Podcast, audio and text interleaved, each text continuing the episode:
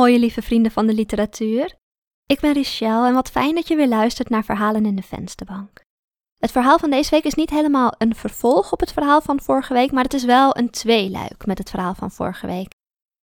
Het verhaal van vorige week ging namelijk over een parkietje dat doodging en het verhaal van deze week gaat over een parkietje dat begraven wordt. En ja, wat, wat mezelf opviel toen ik mijn parkietje ging begraven, is dat je aan de ene kant dat de dood een heel plechtig gevoel oproept en dat je heel graag binnen de ja, tradities van je eigen cultuur je parkiet of zo'n beestje een waardig en respectvol afscheid wil geven. Maar dat er tegelijkertijd heel veel ja, banale elementen aan zo'n moment vastzitten. En ja, ik vond dat heel mooi en ik heb dat geprobeerd om in dit verhaal te vangen. Ik wens jullie heel veel plezier met het verhaal Traditie.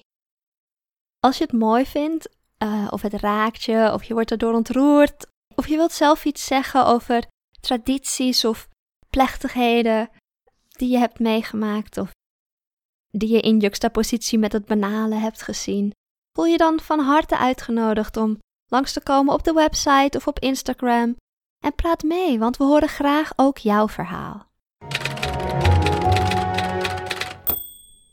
U gaat luisteren naar het verhaal Traditie, geschreven en voorgelezen door Richelle en Edens. De parkiet is dood. Ik heb een hele tijd voor de kooi gestaan. Ik weet niet hoe lang. Misschien wel tien minuten. En in al die tijd heeft ze niet één keer geademd. Ik zag al meteen dat ze niet meer bewoog, maar toch ben ik blijven staan en heb ik gekeken naar het borstkastje. Zoals we vroeger in de kinderboerderij naar de borstkas van de krokodil staarden om te kijken of hij nog leefde. Vaak zag ik hem niet bewegen. Vaak dacht ik dat hij dood was. Dan moest mijn moeder mij heel secuur aanwijzen. Daar, achter zijn rechter voorpoot. Daar in zijn oksel, daar zie je de schubben bewegen in het ritme van zijn ademhaling. En dan wisten we dat hij nog leefde. Nu is mijn moeder er niet bij om mij de ademhaling aan te wijzen. De parkiet is dood. De gedachte is meer een beslissing dan een observatie. Nu het duidelijk is, kan ik weglopen van de kooi, kan ik naar de wc en een bakje muesli maken.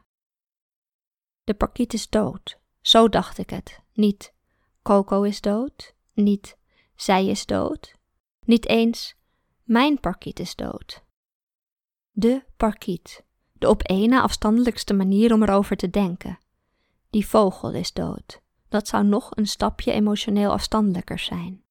Maar dat dacht ik niet. Ik ga achter mijn laptop zitten met mijn bakje muesli en ik maak mijn gebruikelijke rondje over social media. Eerst mail, dan Facebook, dan Reddit en dan YouTube.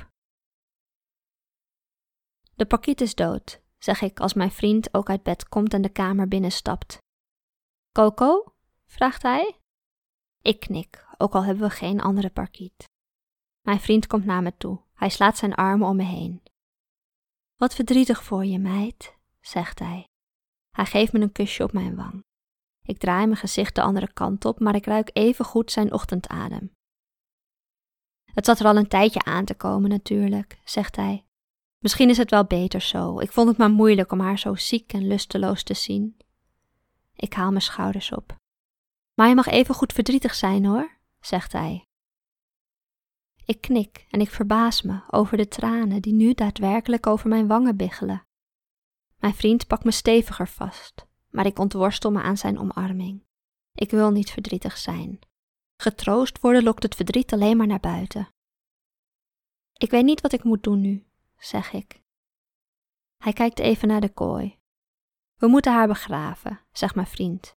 We gaan haar begraven, maar ik moet eerst even douchen. En daarna heb ik afgesproken om mijn broer te helpen met zijn wasmachine. We doen het vanmiddag, als ik thuis kom. Oké, zeg ik.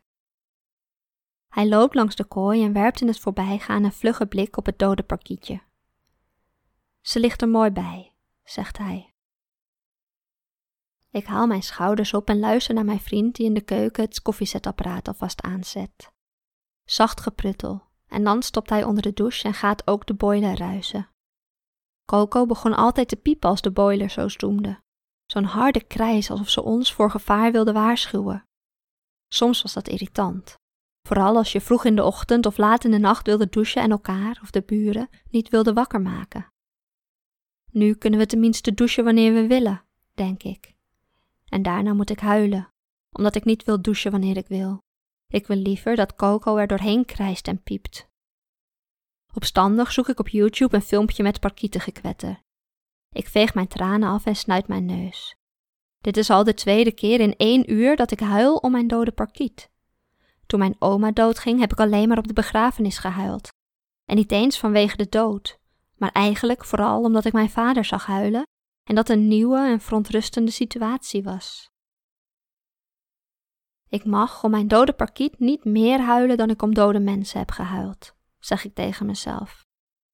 Ik droog mijn tranen af en dwing mezelf om met mijn dag door te gaan, alsof er niets aan de hand is. Ik blijf voor mijn laptop zitten, maar lijk niet meer te weten wat normaal is. Ik zou een afwas kunnen doen, maar het is niets voor mij om uit mezelf op zaterdagochtend een afwasborstel te pakken. Dat is meer iets dat mijn vriend en ik samen na het avondeten doen. Ik zou een computerspel kunnen spelen, maar normaal speel ik alleen computerspellen als het niet goed met me gaat. Als ik even wat mentale selfcare nodig heb, een dagje pauze. Ten slotte stuur ik maar een berichtje aan een oude vriendin uit groep 8 die me onlangs op Facebook heeft toegevoegd. Maar pas nadat ik het berichtje heb verstuurd, besef ik dat juist die hang naar vroeger, die drang om iets terug te vinden wat al jaren geleden voorbij is gegaan, ook wel eens gevoed zou kunnen worden door de dood van Coco. Weer springen de tranen in mijn ogen. En hoezeer ik ze ook probeer te ontkennen, ze blijven komen. Ik ben blij dat mijn vriend al naar zijn broer is. Ik ben blij dat er niemand is om te zien hoeveel ik huil en om mijn hoeveelheid verdrietjes te vergelijken met de verdrietjes over menselijke sterfgevallen. En dan ben ik bang dat mijn oma misschien als geest rondwaart en alles gezien heeft.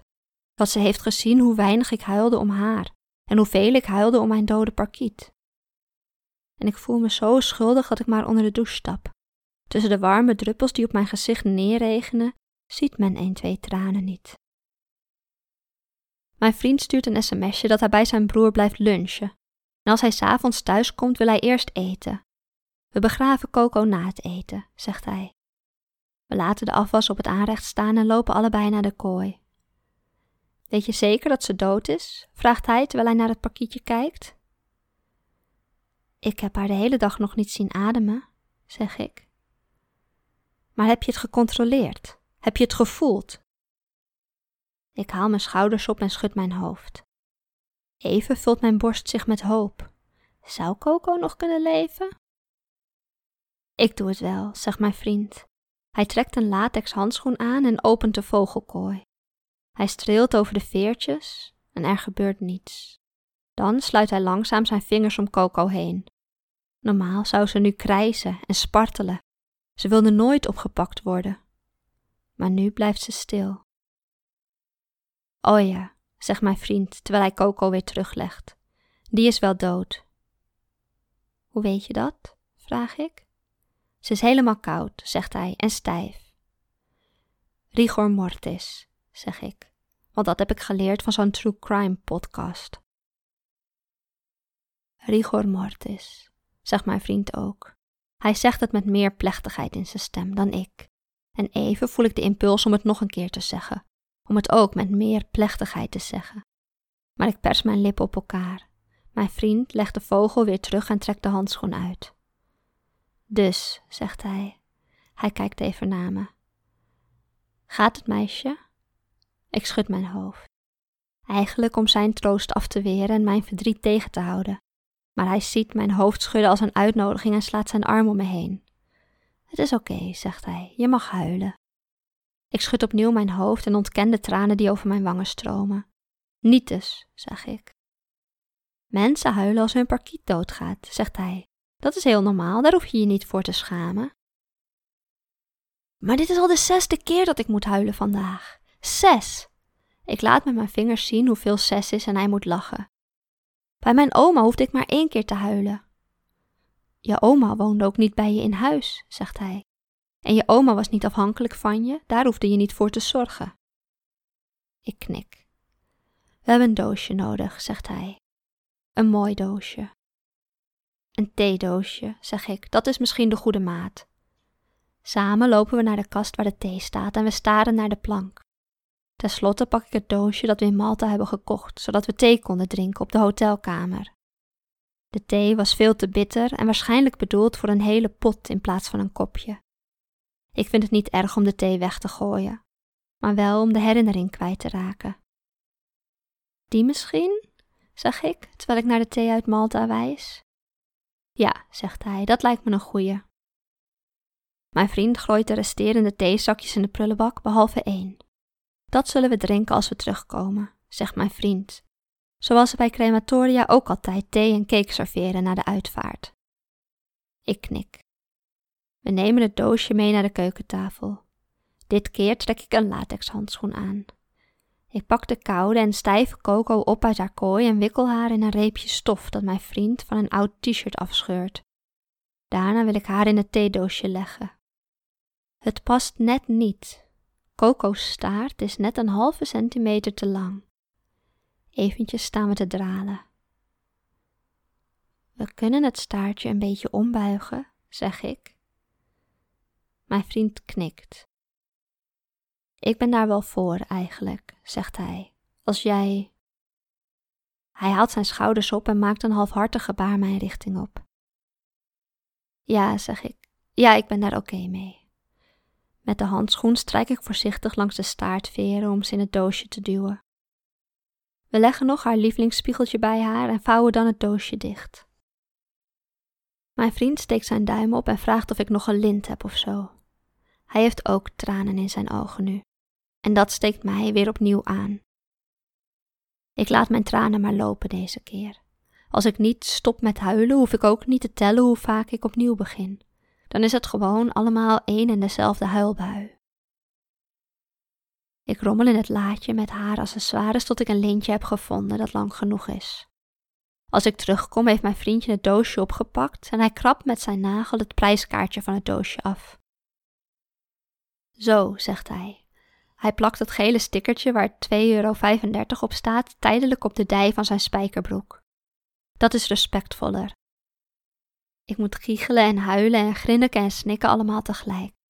Hij pakt het lint van mij aan en vouwt het om het doosje. Ik duw mijn vinger op de knoop zodat hij een mooie strik kan maken. We trekken onze jassen en schoenen aan. Waar gaan we mee graven? vraag ik. Hebben we nog dat tuiniersetje in de berging staan? Die hadden we weggegooid, toch? Mijn vriend knikt. Op vier hoog in een sociale huurwoning heb je geen tuiniersetjes nodig. Geen schepjes en geen harkjes. Ooit hebben we geprobeerd om een kruidentuintje in potten op het balkon te hebben, maar dat hebben we al na een paar weken weer opgegeven. Nu, als we verse basilicum nodig hebben, kopen we gewoon een potje van de supermarkt en laten we de rest van de takjes verdorren. We openen de keukenla.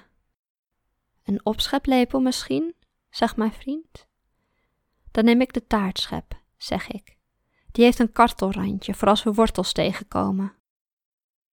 Met het keukengerei in onze jaszakken en het doosje met het lint eromheen plechtig in mijn handen gaan we de trap af. We lopen om de flat heen naar het speeltuintje achter op het pleintje en dan lopen we naar de grootste dennenboom. Het is inmiddels donker geworden. We schuiven de toplaag van herfstbladeren en dennennaalden aan de kant en ik begin te graven met mijn taartschep. Is dit diep genoeg? vraag ik aan mijn vriend. Hij steekt zijn hand in het gat en schudt zijn hoofd. Een kat ruikt dat, zegt hij. Een kat gaat daarop graven. Hij neemt het graven een tijdje van mij over. Deels met de opscheplepel en deels met zijn blote handen. Met blote handen gaat het beter. Mijn vriend kreunt als hij een wortel kapot moet trekken. Als het opnieuw mijn beurt is, ben ik blij dat het donker is. Zo kan ik in ieder geval niet zien welke torretjes en spinnetjes er allemaal langs mijn vingers kruipen. En vreemd genoeg, omdat ik het niet kan zien, kan ik makkelijker mijn angst uitschakelen. Om en om graven we, tot we besluiten dat het gat nu diep genoeg is. We laten het doosje zakken en scheppen de aarde weer terug. Het mulle zand past niet allemaal meer en zonder erbij na te denken sta ik op om het zand met mijn voeten aan te stampen. Mijn vriend trekt mij aan mijn elleboog weg van het graf. Niet doen, zegt hij. Sorry, zeg ik. Hij duwt met zijn vingers de aarde terug op zijn plek. Vingers zijn respectvoller dan voeten, dat snap ik ook wel. Hoe doen ze dat op echte begraafplaatsen dan? vraag ik. Ik bedoel, rijden ze dan met een wals over het graf? Mijn vriend geeft geen antwoord. Of met zo'n platstampmachine die je in je handen hebt, hoe heette die? vraag ik. We schuiven samen de verrotte hersbladeren en de dorre dennennaalden terug en dan staan we op.